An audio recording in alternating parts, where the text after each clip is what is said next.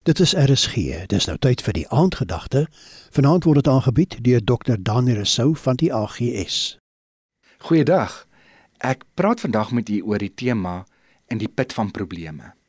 In Klaagliedere 3 vers 54 tot 58 lees ons die volgende: Waters het oor my kop gegaan en ek het gedink dit is verby met my.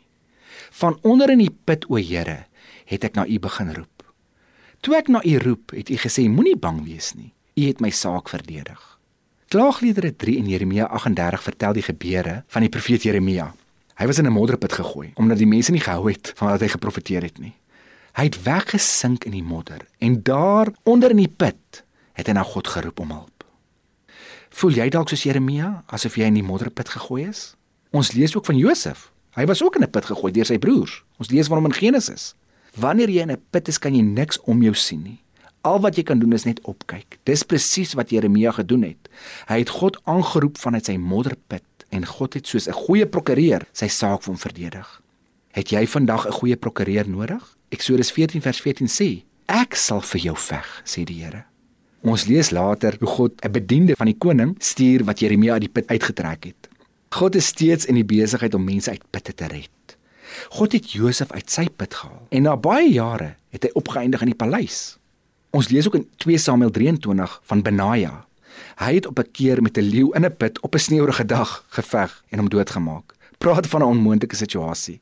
Miskien vind jy jouself in so 'n put vandag. Asof dit nie genoeg was dat Benaja in 'n put was nie, was daar nog 'n leeu ook en het dit nog gesneeu ook. Dalk voel jy so dat dinge net erger begin raak. Moenie moed opgee nie. Benaja het geveg en oorwin. Ons sien hoe hy later aansoek gedoen het vir die hoof van koning Dawid se leiwagte pos. Sonder dat hy geweet het, het hierdie pitte in sy lewe sy CV voorberei op so 'n manier dat Dawid hom toe aangestel het as die hoof van sy leiwagte. As jy nie moed opgee nie en dit toelaat dat God jou seer en die pitte in jou lewe omdraai in iets goeds, kan God dit gebruik om ook jou CV te bou. Hou net moed en hou vas aan God. Sonder dat jy weet, is hierdie pit van jou lewe dalk besig om 'n weg te baan vir iets groots wat op pad is. Hou net moed. Soms het 'n pit die manier om ons nader aan God te trek. Ek dink ook aan Jona aan die maag van die vis en hoe hy ook na God geroep het. Gebruik jou bid en roep na God. Sy oor is nie te doof en sy hand nie te kort om te help nie. Hy sien jou raak in jou donker dieptes. Jy's nie alleen nie. Hou vas aan sy woord, hou vas aan hoop. God is op pad om iets moois te doen vir jou. As jy dalk vandag voel asof jy in 'n put is, dan wil ek hê jy moet hierdie volgende gebed saam met my bid. Jesus, ek vra dat U my sal kom red uit my put. Ek het U so nodig in my lewe. U is bewus van die putte van my lewe, Here. Ek weet dis nie 'n uitdaging vir U nie en niks is vir U onmoontlik nie. Daag asseblief op in my lewe, Here, en doen 'n wonderwerk. Sal U asseblief my prokureur wees en my saak vir my verdedig? Ek weet U kan.